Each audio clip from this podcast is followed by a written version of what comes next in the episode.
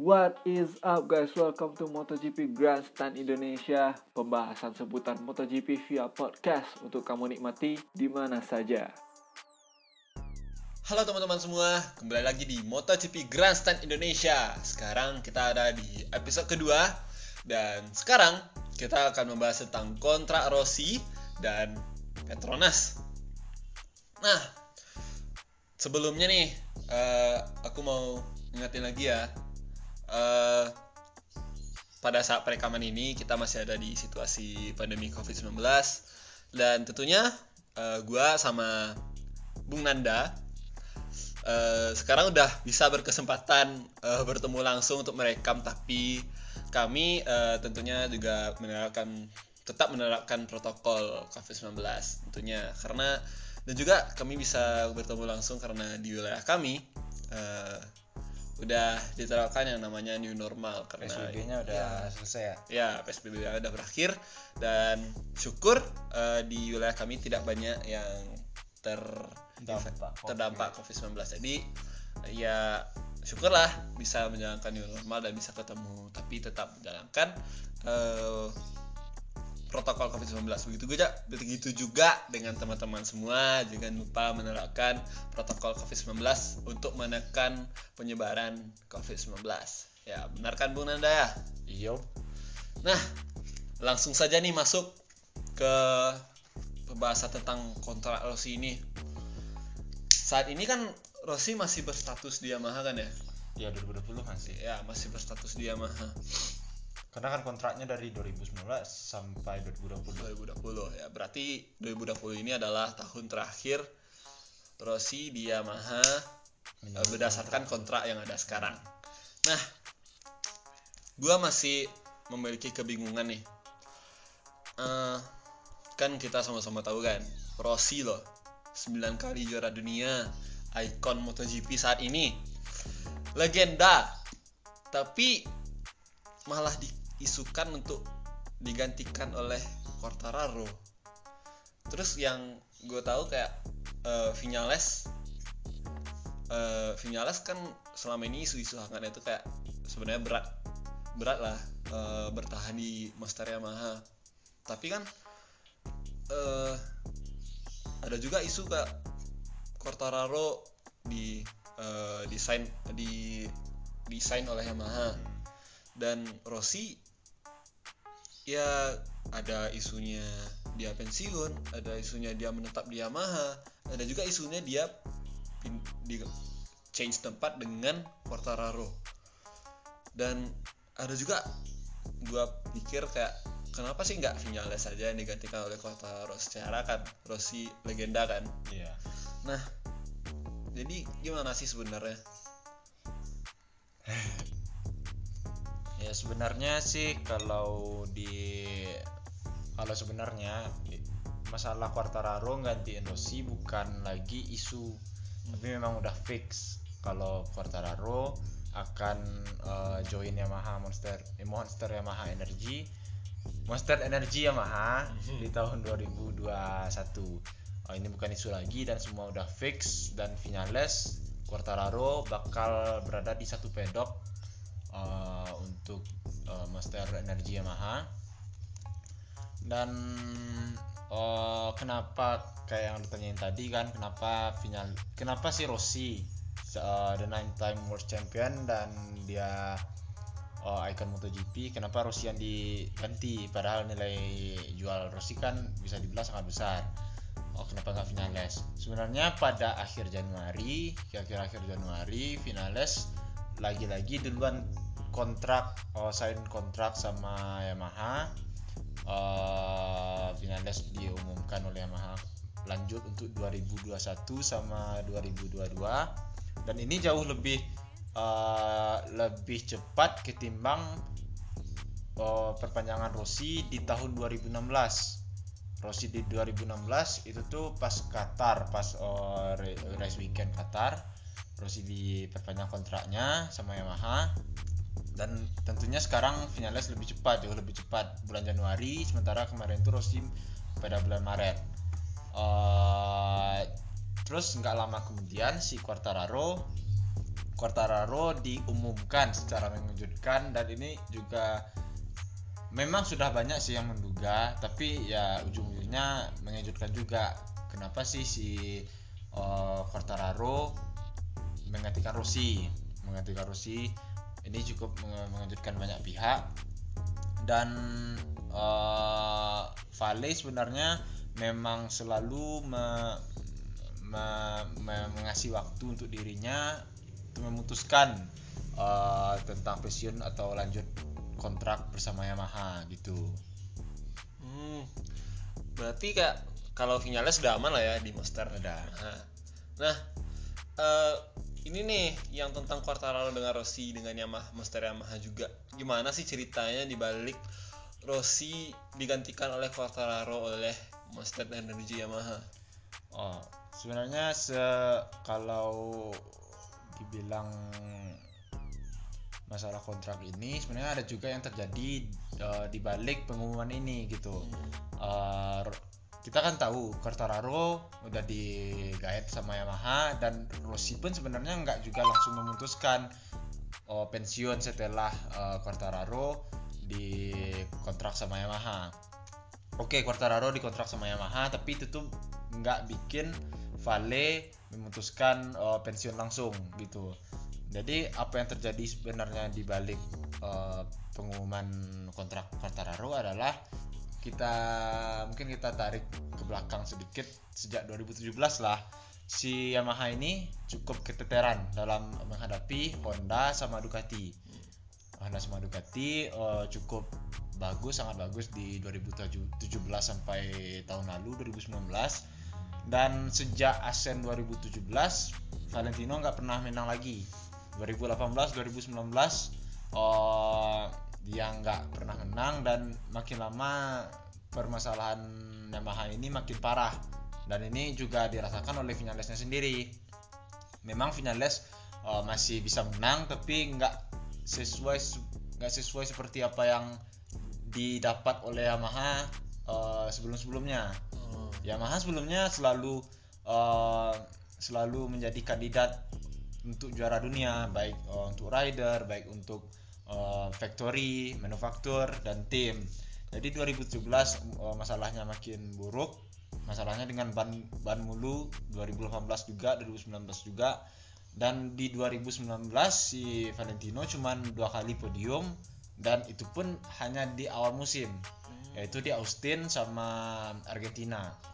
Sama-sama nomor 2 dan ya kalau kita bahas tentang Austin ya si Rossi sebenarnya bisa menang Austin tapi karena ya itu tuh mungkin menurut gua ya uh, Rins cukup kuat dan Rossi punya juga kekuatan tapi melakukan kesalahan di akhir-akhir race. Jadi nggak bisa mendulang kemenangan di Austin. Jadi cuma dua di Austin sama Argentina.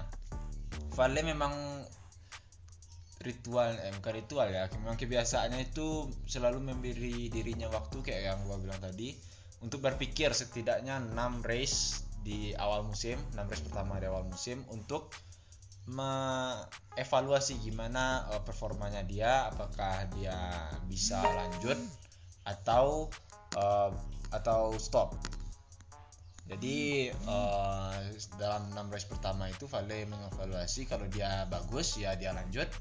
Kalau kurang ya mungkin dia pensiun gitu. Dari 2014 dari kita ambil ambil waktu dari 2013 lah ketika Vale kembali ke Yamaha. Terus kontraknya 2013 14 terus di 2014 dia melihat beberapa race awal. Dan di 2014 uh, performa dia membaik.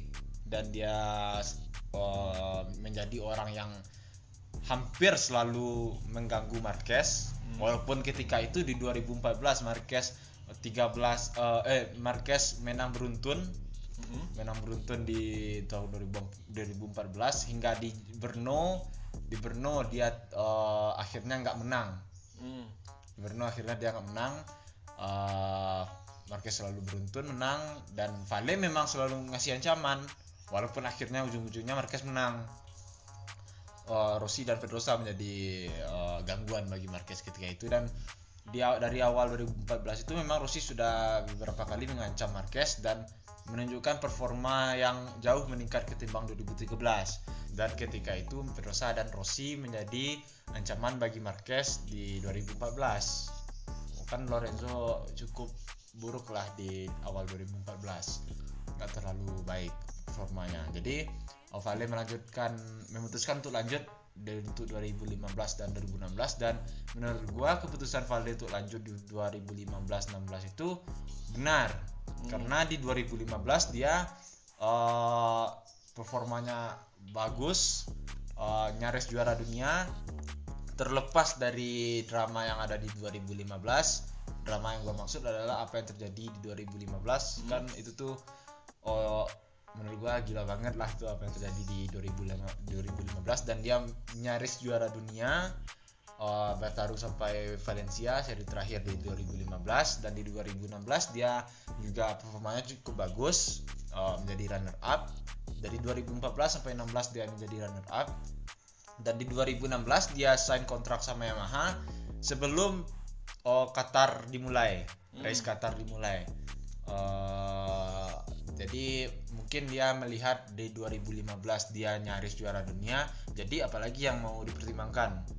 Yeah. apalagi yang mau dipertimbangkan uh, jadi ya dia lanjut untuk 2018 eh 2017 2018 di 2017 lah mulai masalah di dalam Yamaha. Mungkin kan uh, apalagi setelah penyeragaman uh, ECU. Uh, ini menjadi masalah banget bagi Yamaha. 2017 18 19 Yamaha terbang ambing uh, formasi Yamaha tersebut. Sehingga walaupun performa Yamaha buruk di 2018 dan 17 Vale tetap memutuskan untuk lanjut karena dia merasa masih bisa ada celah untuk untuk masih kompetitif gitu. Dia merasa masih bisa kompetitif dan bisa masih bisa menang dan motivasinya masih tinggi banget untuk balap. Jadi lanjut untuk 2019 dan 2020 Nah masalahnya di 2021 mm-hmm. uh, gimana mau lanjut apa enggak? Uh, jadi di uh, sebenarnya itu Yamaha awalnya mungkin banyak pemikiran orang kalau Yamaha membuang Rossi. Mm. Sebenarnya kalau menurut gua ya itu tuh Yamaha bukan membuang Rossi, tapi uh, tapi Yamaha ini memang udah ajukan kontrak Rossi udah ajukan kontrak Rossi dan Vinales. Jadi um, sebenarnya itu line up 2021 dalam rencana Yamaha itu masih mempertahankan Rossi sama Vinales. Masih mempertahankan Rossi Vinales. Jadi tiga rider nih yang ingin dipertahankan Yamaha. Vinales, Rossi sama Quartararo. Yamaha walaupun uh, Rossi Rossi merupakan bintang terbesar di MotoGP tapi Yamaha juga nggak mau uh, melepas Quartararo karena Quartararo merupakan masa depan bagi Yamaha untuk uh, jangka panjang. Jadi Yamaha juga nggak mau melepas Quartararo, banyak banyak perhatian untuk Quartararo dari pabrikan lain. Mereka banyak pabrikan yang banyak tim yang ingin mengontraksi Quartararo.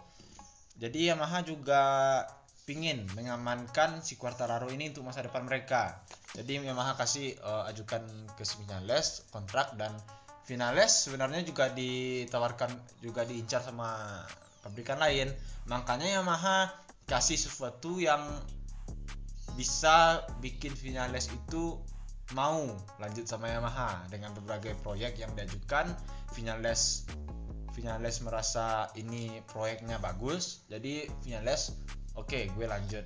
Nah si Rossi jadi Yamaha ini pengen uh, masalah kontrak yang berurusan sama kontrak ini cepat selesai. Jadi mereka hadapi musim tanpa mikir-mikir kontrak lagi. Uh, ya Vinales uh, udah tanda tangan kontrak dengan waktu yang secepatnya. Terus Yamaha juga ingin Rossi uh, uh, melakukan hal yang sama kontrak uh, tanda tangan kontrak dengan waktu yang segera tapi Vale-nya nggak mau hmm. si Rossi-nya nggak mau mungkin gara-gara yang kebiasaan Vale itu kali ya?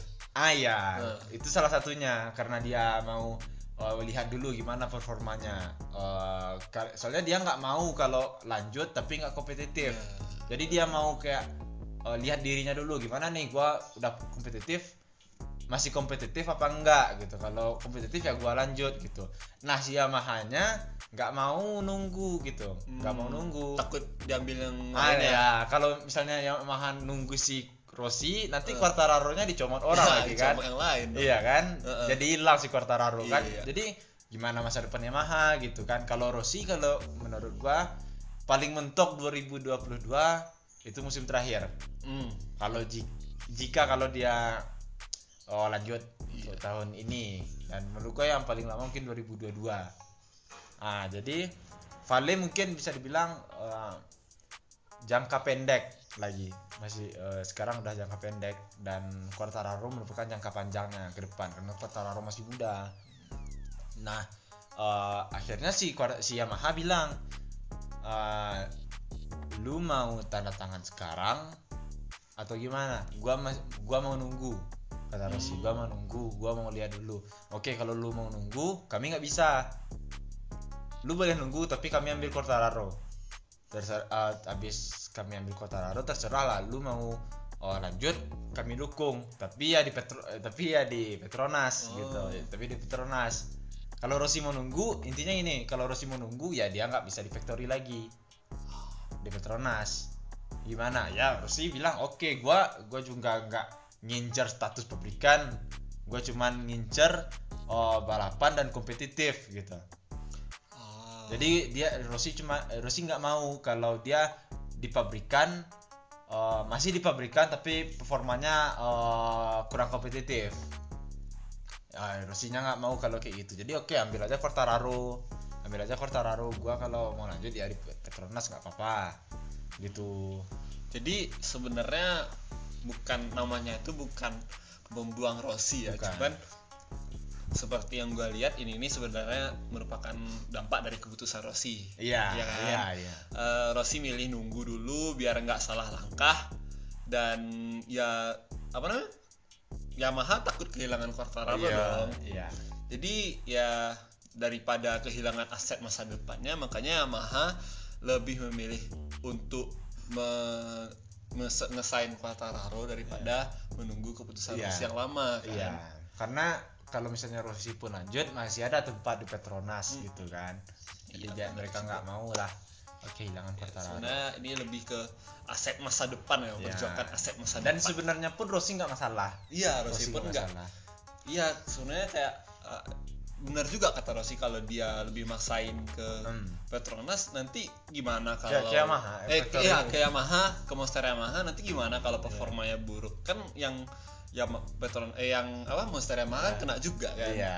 Nah, iya bijak juga ya Iya. Rossi ternyata Rossi pun udah bilang kalau gua udah duga sih Yamaha bakal lirik Quartararo Iya. sejak Thailand 2019 karena di Hmm. Thailand 2019 Fabio kasih perlawanan yang cukup sengit ke si Marquez dan menurut gua sih itu sebuah pencapaian dan performa yang bagus banget lah dari si Quartararo dan Rossi ya masih memiliki opsi lanjut walaupun udah nggak di eh, di Monster lagi.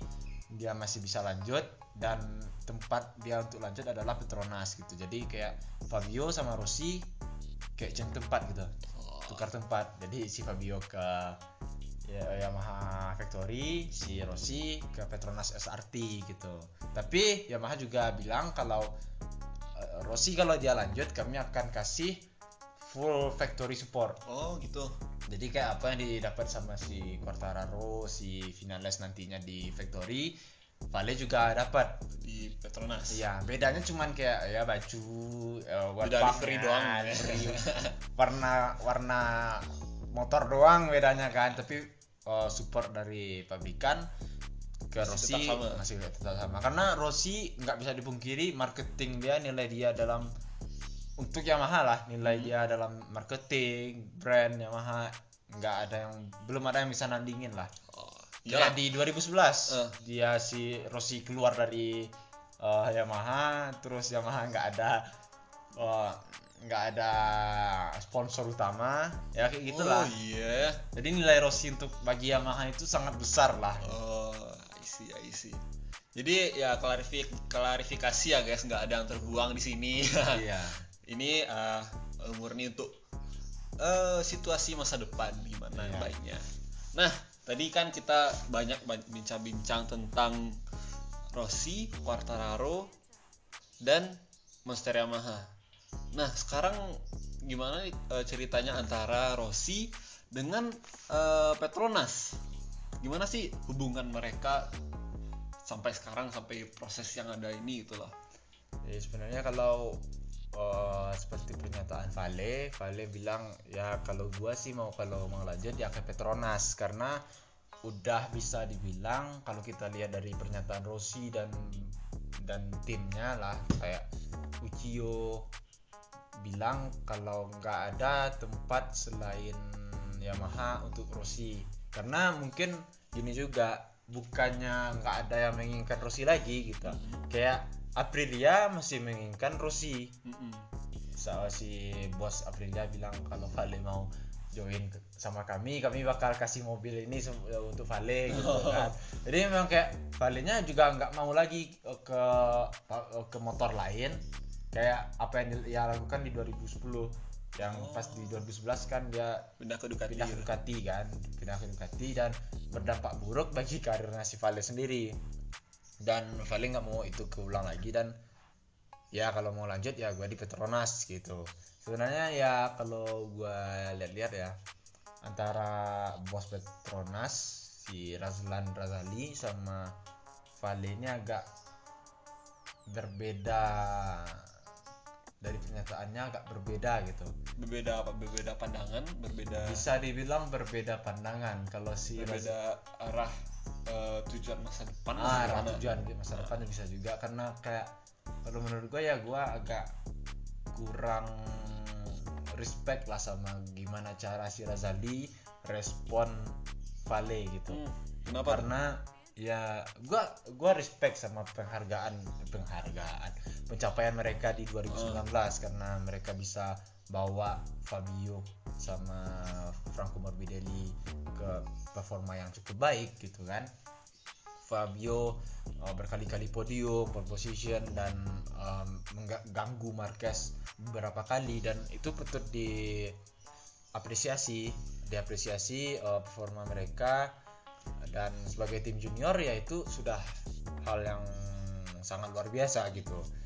Tapi karena performa tersebut gua lihat si Razali sedikit uh, merasa tinggi gitu Oh, iya. merasa tinggi gitu kan jadi dia berbagai statement dia kasih berbagai statement dia ucapkan seakan-akan menyudutkan si Rossi gua bukannya bukannya berpihak ke Rossi. Rossi karena subjektif ya gitu gua hanya bilang yang mana yang benar menurut gua dan mana yang salah menurut gua harusnya Jadi, oh, contoh statementnya itu apa itu? kayak ya contoh statementnya kayak gini. Ya kami lebih memilih eh, kami lebih memprioritaskan pembalap muda. Memang benar memang benar. Tapi caranya dia untuk mengucapkan itu kayak nggak nggak respect sama seorang legenda nih. The Oh. living legend the nine the nine time world champion. Iya. the icon of MotoGP kan? Iya benar. kayak seharusnya lu nggak nggak lakuin itu gitu kan.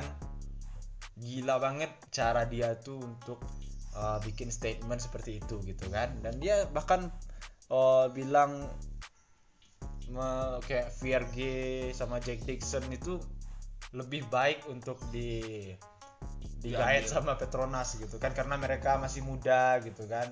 Lebih baik mereka daripada pembalap senior gitu. Sement- harusnya mereka tuh kayak ya respect the greatness lah kan. Si Valenya gimana gitu. Oh. Nggak nggak perlu melakukan hal seperti itu gitu kan. Memang oke target mereka adalah uh, menggait para pembalap muda gitu. Tapi ya kalau ini si Vale ada adalah sebuah opsi ya ngapain lu disrespect si Vale gitu kan. Sementara Vale-nya juga punya banyak pengalaman. Bisa juga kayak ngembangin di sana kan batu-batu ngembangin gitu kan. Iya dan dan bisa membantu Petronas juga membimbing ke arah yang lebih benar gitu kan. Vale punya pengalaman yang yang banyak ya dia bisa kasih input ke Petronas. Harusnya kayak gini harusnya kayak gini. Harusnya ini nggak dilakuin gitu kan. Harusnya kalian melakukan, melakukan ini gitu. Ya sebenarnya banyak eh, banyak sisi positif lah yang bisa dibawa Rossi sama ke Petronas ini. Walaupun ya kalau sekarang ya kita bisa bilang Rossi bukan eh, orang terganas lagi MotoGP gitu. Ya performa Rossi nggak lagi di puncaknya lah gitu kan. Nggak lagi di puncaknya. Dan sekarang yang ada di puncak adalah Marquez. Mungkin kalau untuk era sekarang ini Hmm. gua nggak bilang secara keseluruhan sejarah MotoGP untuk era sekarang ini mungkin Marquez yang terbaik. Dan Vale nggak lagi di puncak Tapi kan kalau dibilang dari segi experience, ya Rossi tentunya nggak kalah juga dong. enggak dong tapi memang mungkin masanya gitu Masa masa masanya Vale untuk men- menjadi orang teratas udah nggak masanya lagi sekarang gitu. tapi dia masih kompetitif loh gitu Iya. Mungkin kalau dari pandangan gue ya kayak hal bagus yang akan dibawa Rossi ke Petronas itu mungkin lebih dari ke experience yang Iya, telah dilaksanakannya. Mungkin eh, Rossi bisa juga ngasih experience-nya tuh ke rider pasangan Nah, nanti di iya, Petronas iya. kan agar bisa lebih mengembangkan lagi dan mana tahu ada the next Quartararo di sana kan. Iya, Atau lebih berkat adanya masukan dari Rossi. ya dan menurut gue ya Vale masih bisa kompetitif Vale masih bisa kompetitif dan dia masih kompetitif. Hmm. motivasinya masih besar dia latihannya keras dan untuk menang lagi untuk menang seri lagi maksud gua untuk menang race lagi itu masih sangat memungkinkan. Hmm. sangat memungkinkan. Tapi kalau untuk juara dunia bisa. Tapi sangat tipis kemungkinan. Kemungkinan menurut gua gitu. Dan dari berbagai statement si Razali tadi Vale leb- Vale terlihat nggak terlalu merespon lah pernyataan si Razali dan lebih memilih bicara sama Yamaha gimana eh, ke depannya kalau dia sama Petronas gitu. Jadi jadi ya jadi Yamaha ini Yamaha kayak Lin Jarvis itu tuh menjadi pihak ketiga antara Petronas sama si Rossi. Vale yang awalnya ingin melihat performa di beberapa balapan akhirnya eh, mengat- mengatakan kalau gua mau decide kontrak ini sebelum musim dimulai. Karena kayak sekarang aja tuh musimnya udah telat dimulai kan. Hmm. akhir Juli dan ini masih lama lagi kan masih sebulan lagi. Jadi nggak mungkin untuk menunggu eh, beberapa balapan untuk mengumumkan kontrak nggak mungkin. Karena itu terlalu lama dan bagi rider sama tim pun itu nggak terlalu baik bagus. Karena nanti kalau misalnya terlalu lama menunggu si tim kehilangan pilihan-pilihan rider lainnya dan juga susah bagi tim kan karena rider merupakan kebutuhan dari tim gitu kan. Jadi tim perlu mencari eh, ridernya eh, dalam waktu yang segera lah gitu kan apalagi dengan kondisi seperti ini gitu. Nggak mungkin terlalu lama untuk menunggu. Jadi Rossi memang juga sadar dan harus me- melakukan ya, harus mengumumkan kontrak baru sebelum musim dimulai. Dan masih masih berbagai statement dari Razali eh, yang dilontarkan lagi-lagi ya kontroversial Eh, dia bilang masalah WhatsApp Hmm. paling nggak ada WhatsApp kami gitu. Aduh, baperan juga ya. Baperan juga nih orang tua kan Eh, dasar orang tua Aduh. walaupun Valenya juga orang tua Iya, kan iya ya. itu ya tua ya 41 tahun kan udah bisa dibilang tua itu dan dia bilang nggak ada WhatsApp dari Vale. Kami menyatakan kami menunggu WhatsAppnya dari Vale gitu kan. Tapi yang sekarang ini yang pada statement itu Irazali ya cukup sedikit agak menguji Vale lah dengan mengatakan dia tidak akan abaikan. Dia eh, dia tidak akan mengabaikan Rossi yang merupakan 9 kali juara dunia punya nilai besar kita harus mengerti apa yang dia inginkan kata si Razali. Tapi ya menurut gua ya masih masih rada-rada menyudutkan lah kalau menurut juga si Razali ini. Dan pada akhirnya Via Vale masih bilang kalau gua mah gak mau pensiun apalagi dengan kondisi seperti ini. Dia sempat bilang gitu. Ya nggak mungkin lah kan kayak lu pikir aja lah dari dari 1996 dia balap di kelas 125 sampai sekarang 2020 dia masih punya kontrak satu tahun lagi sama Yamaha bayangin lah karir yang sebegitu hebatnya kandas di pandemi COVID-19 Oh, ini iya. kan nggak lucu gitu kan juga. kecuali kecuali balapan masih berjalan normal oke gitu kan ini balapannya aja nggak normal gimana mau gimana mau pensiun dengan cara yang sepatutnya kan? Ya nggak nggak ba- nggak meninggalkan kesan manis lah iya di saat-saat terakhir iya, lah iya gitu. sayang lah kan Iya. gitu. ya terus kayak eh, melenceng juga ya. Coba kita lihat ke eh, ikon-ikon olahraga lainnya. Misalnya kayak eh, Michael Jordan yang Ah, dia dia eh, eh, game terakhir itu di final melawan Jazz kan itu kan suara yang spesial game winner spesial. Dan juga Kobe Bryant mendiang Kobe Bryant. Dia Michael juga Jordan bukannya di Wizard? Pensiun kan? Oh iya, eh maksudnya itu terakhir waktu di Bulls, waduh maaf guys, terakhir waktu di Bulls ya. Dan juga yang mendiang Kobe Bryant juga eh 60 landing poin itu ya? 60 poin spesial lah. ya. Dan ini Rossi loh, hmm, ikon MotoGP yang udah beberapa dekade ini lah, udah sampai dekade loh jaraknya. Eh masa ya bener juga sih masa seperti ini berakhirnya kan. Tentu eh, tinggalkan juga lah kenangan manis ya kayak iya. lagu kayak lagu pamungkas dong. ya. Dan terus si Razali juga lagi-lagi kasih statement yang cukup kontroversial gitu. Dia bilang kayak gini, kami nggak mau deh si Vale-nya eh, si Vale-nya di sini cuma numpang pensiun.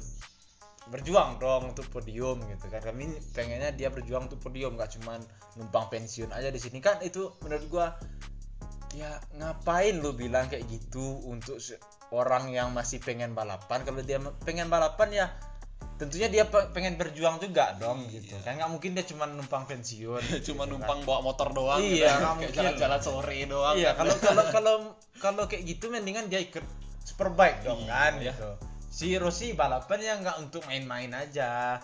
Dia juga balapan untuk bertarung juga gitu kan. Kalau nggak ngapain dia mikir-mikir terlalu banyak kan? Iya. Iya kan? iya. Jadi kayak Razali ini statementnya itu rada-rada sengak juga menurut gua gitu. Rada- rada-rada sombong. Waduh. Ya sem- mudah-mudahan dikasih hidayah ya. Iya. dan akhirnya pada juga tampak males gitu. Sama sempat Razali. males sempat males sama gaya si Razali ini Eh, dan statement Vale bilang kalau gini ya eh, kalau masalah pensiun menurut gua sih gua udah paham udah paham gimana rasanya pensiun nanti gitu kan Mm. Gua sekarang udah sering di rumah dan karantina mengajarkan gua gimana rasanya Simulasi pensiun. Iya, simula- simulasi pensiun gimana rasanya pensiun gitu dia kan apa yang mau dilakuin untuk Iya. pensiun Iya, ya kan? Jadi gua udah Ya. biasa lah kalau pensiun pun nggak apa-apa kata dia kan. Jadi ini jadi kayak orang-orang berpikir seorang Vale yang biasanya anti banget sama iya sama pensiun malah bilang kayak gini itu tandanya apa tuh bro kata, kata mereka kan sempat banyak publik yang pikir oh si Vale mau pensiun Vale mau pensiun Vale mau pensiun gitu. Jadi kayak banyak yang ketakutan lah Vale mau pensiun gitu kan. Dan eh, setelah ketakutan tersebut dan keraguan tersebut ya akhirnya keluar kabar kalau walaupun negosiasi berjalan alot dan rada-rada rada-rada susah menemukan jalan titik ya, tengahnya ya. tengahnya eh, tapi negosiasi berjalan ke arah yang positif berarti negosiasinya eh, mengarah kepada kesepakatan Hmm. kontrak gitu Kesepakatan kan. kontrak. ya yang membuat eh, sulit negosiasi ini adalah masalah kru tim yang bisa dibawa Rossi oh karena Rossi memang dia itu selalu bawa semua krunya pindah pindah pindah tim. Mm-mm. jadi kalau dia pindah bawa semua krunya gitu kan. Dari Honda ke Yamaha dulu dia boyong semua. Terus dari Yamaha ke Ducati dia boyong semua. Dari Ducati balik ke Yamaha boyong semua lagi. Walaupun saat dia dari Ducati ke Yamaha sempat juga ada kabar kalau Yamaha tidak mengizinkan. Hmm. tapi akhirnya ya diizinkan Ah. juga gitu. Rossi dong Rossi. Iya, Rossi loh ya. Rossi loh gitu kan. Ah, terus eh, jadi itu tuh yang menjadi masalahnya dalam negosiasi. Bukan masalah uang bukan masalah motor. Motor udah dijamin sama sama Yamaha. Dompet si Rossi udah dijamin udah dia jamin sendiri itu. Oh iya. Uangnya udah banyak juga punya eh, kedai pizza juga. oh iya. Waduh. Juga punya em, apa namanya merchandise Kayaknya Rossi udah siap pensiun dengan adanya investasi itu. ya. Iya, memang uangnya udah banyak jadi kayak uang sama motor udah nggak perlu dipikirin lagi dan cuman eh, kru timnya yang menjadi permasalahan sekarang ini karena bagi Rossi krunya adalah keluarganya dia gitu kan Lagian, mungkin kru tim tuh juga berperan penting dong dalam Iya, performa iya. dia kan chemistry antara Iya. kru dengan rider Iya. gitu kan. kali juara dunia dan dia menema- menam- mendapatkan gelar tersebut bersama mereka gitu kan dan mungkin lebih banyak wak- waktu bersama kru daripada keluarganya Vale Waduh, oh ya iya kan? ya. Ya kan? Mungkin juga kru-krunya lebih PK terhadap Vale gitu kayak iya kayak mungkin Vale kayak bawa motornya nggak seperti biasanya misalnya terus Iya. langsung ngerti gitu, gitu. ada kontak batinnya udah ada chemistry-nya ada kan? ada chemistry-nya gitu terus eh, ya kalau seperti kabar yang ada kan si negosiasi ini berjalan ke arah yang positif dan kontrak yang dikabarkan adalah satu tambah satu. Maksudnya? Satu tambah satu itu maksudnya eh, satu tahun kontrak dengan opsi lanjutan oh di- tambah opsi lanjutan setahun lagi. Ya jadi kayak punya punya kebebasan memilih. Ah ya, ya kayak, kayak gitu satu tambah satu. Jadi itu kontrak yang dikabarkan akan didapat oleh Vale. Dan dan kabarnya Vale juga menginginkan hal tersebut gitu. Dan akhirnya Razali nampak gua mulai melunak Hmm. mulai melunak dan ya semoga aja si si Vale dan Petronas menemukan titik tengah. Karena menurut gua ya Vale masih penting banget. Lah bagi MotoGP gitu.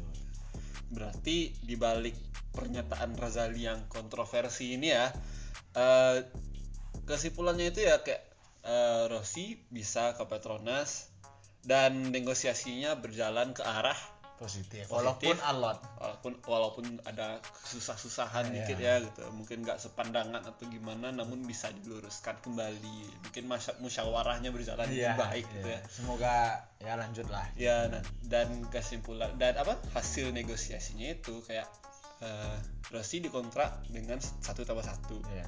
Rossi setahun di Petronas dan juga Rossi bisa memilih apakah ingin melanjutkan setahun lagi atau tidak mungkin mana kali aja Rossi naik lagi kan Iya. di Petronas kan Dan untuk juara dunia mungkin tahun ini masih bisa gitu kan masih di Iya. Victory gitu. Mana kan. tahu menemukan kenyamanan Rossi Iya. di Petronas kan ya bisa tambah satu tahun lagi ya menarik juga ya cerita antara Rossi dengan Petronas ini apalagi dengan Razali ini ya. Nah tentunya eh, dengan kejadian yang cukup hangat ini tentunya juga mengundang perhatian dari pihak-pihak lain. Iya dong. Eh, setahu Nanda apa aja sih pendapat-pendapat dari pihak-pihak lain? Sebenarnya kalau di dibacakan semua atau disebutkan semua ya terlalu banyak mungkin. Tapi beberapa pihak-pihak besar lah seperti Stoner seperti Lorenzo, Carlo Pernas, Espeleta sama Lee Jarvis. Dan mungkin dan mungkin rider-rider di MotoGP juga mendukung Vale untuk lanjut gitu. Kayak kalau Stoner eh, Stoner cukup menyayangkan kenapa seorang bintang seperti Valentino harus turun ke Petronas yang merupakan tim satelit dari Yamaha gitu kan. Ngap, sangat disayangkan kata si Stoner. Vale harus balap di tim satelit gitu. Seseorang yang gua ingat kata-kata si Stoner ini seseorang yang dulu diincar semua tim dan semua tim eh, semua tim berani bayar lebih bayar bayar besar untuk si Vale gabung sama mereka gitu kan. Harus sekarang harus pindah ke tim satelit gitu kan. Kayak sangat disayangkan gitu kan. Stoner rival Rossi loh dulu. Sempat bermusuhan loh. Iya. Dan sekarang dia kayak respect respect banget sama si Rossi dan menyayangkan kenapa dia harus turun ke, ke tim satelit gitu kan. Jadi kayak kalau pernyataan Stoner gua nilai lebih lebih menyimpulkan kenapa sih Yamaha buang Rossi ke tim satelit gitu kalau menurut gua ya kalau Lorenzo support Rossi eh support Rossi banget lah gitu kan. Vale masih bisa menang kata dia dan untuk juara dunia ke-10 ya bisa aja. Kalau dia masih pengen balapan masih bahagia ya kenapa harus berhenti sih gitu. Jadi kalau masih lu masih bahagia ya lanjut aja kata si Lorenzo. Nah yang lucunya ini sih kalau pernah bilang si Rossi bahkan lebih takut diajak nikah sama sama pacarnya dia ketimbang lanjut gitu waduh jadi jadi daripada nikah mending lanjut aja deh gitu Oh. lebih Waduh. takut nikah dia dari segitu cintanya ya Rossi dengan MotoGP guys Iya, lebih cinta ke MotoGP daripada pacarnya sendiri. aduh kan. sabar ya pacarnya Rossi ya. Nunda punya anak kan. Terus kayak Carmelo, Carmelo Espeleta memang seseorang yang ingin Vale untuk tetap lanjut walaupun tidak memaksa karena keputusan keputusannya di tangan si Rossi kan. Kalau dia ada capek ya kalau dia mau berhenti ya gimana lagi. Tapi kalau harapannya si Espeleta sebagai uh, pihak Dorna ya Valentino tetap lanjut lah gitu. Si Espeleta bilang Valentino akan lanjut jika ia masih menikmati. Mungkin Espeleta ngerti gimana sih si Vale ini gitu kan. Si Espeleta ngerti kalau Vale masih menikmati dia akan lanjut gitu dan Lin Jarvis juga bilang Rossi masih sangat diperlukan eh, untuk kelangsungan MotoGP di saat seperti ini gitu kan. Lu lihat aja lah si Rossi jatuh rating TV nurun. Hmm. yang MotoGP rating TV nurun dan kalau Rossi bagus perform- performanya rating TV naik. Jadi kayak fans kebanyakan fans MotoGP itu adalah fans Rossi gitu. Jadi apalagi setelah pada masa pandemi ini di mana kekacauan MotoGP uh, terjadi ya Rossi masih perlu diperlukan lah untuk MotoGP gitu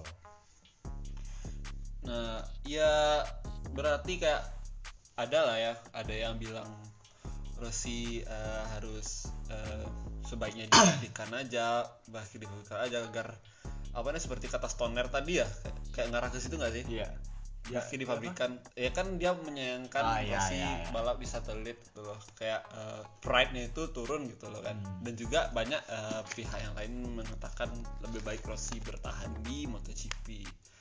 Nah, panjang sekali ya guys pembahasan kita sekarang. Eh, banyak hal yang dapat kita petik dari dari pembahasan kita ini.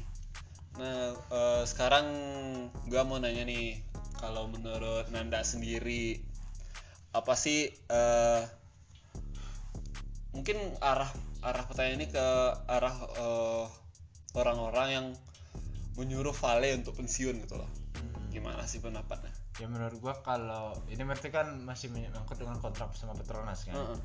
ya kalau orang-orang menyuruh Vale untuk pensiun menurut gua ya oke lah kalau lu mau lu bilang ya sebaiknya Vale berhentilah atau ini segala macamnya gitu. Tapi ya ujung-ujungnya keputusan di tangan Vale gitu kan. Kalau dia masih pengen lanjut ya itu haknya dia gitu kan. Lu nggak bisa ngatur gitu kan.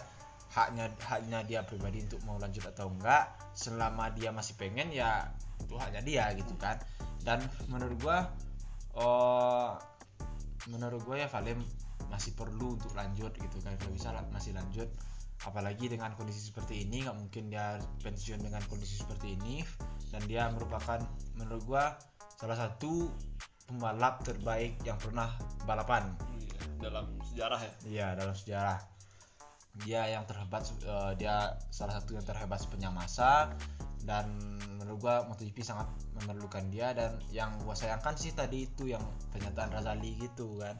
Ngapain sih si Razali ngomong kayak gitu? Lu gila men gitu lu gila kayak he's the nine time world champion dan you shouldn't do that gitu kan You shouldn't say that. Iya. Dan ya respect lah Vale gitu kan. Respect Vale dia lebih duluan terjun ke dunia MotoGP ketimbang si Razali gitu kan. Jadi menurut gua ya kayak gitu dan mungkin kalau masalah kalau Rossi pensiun di 2010 lah misalnya.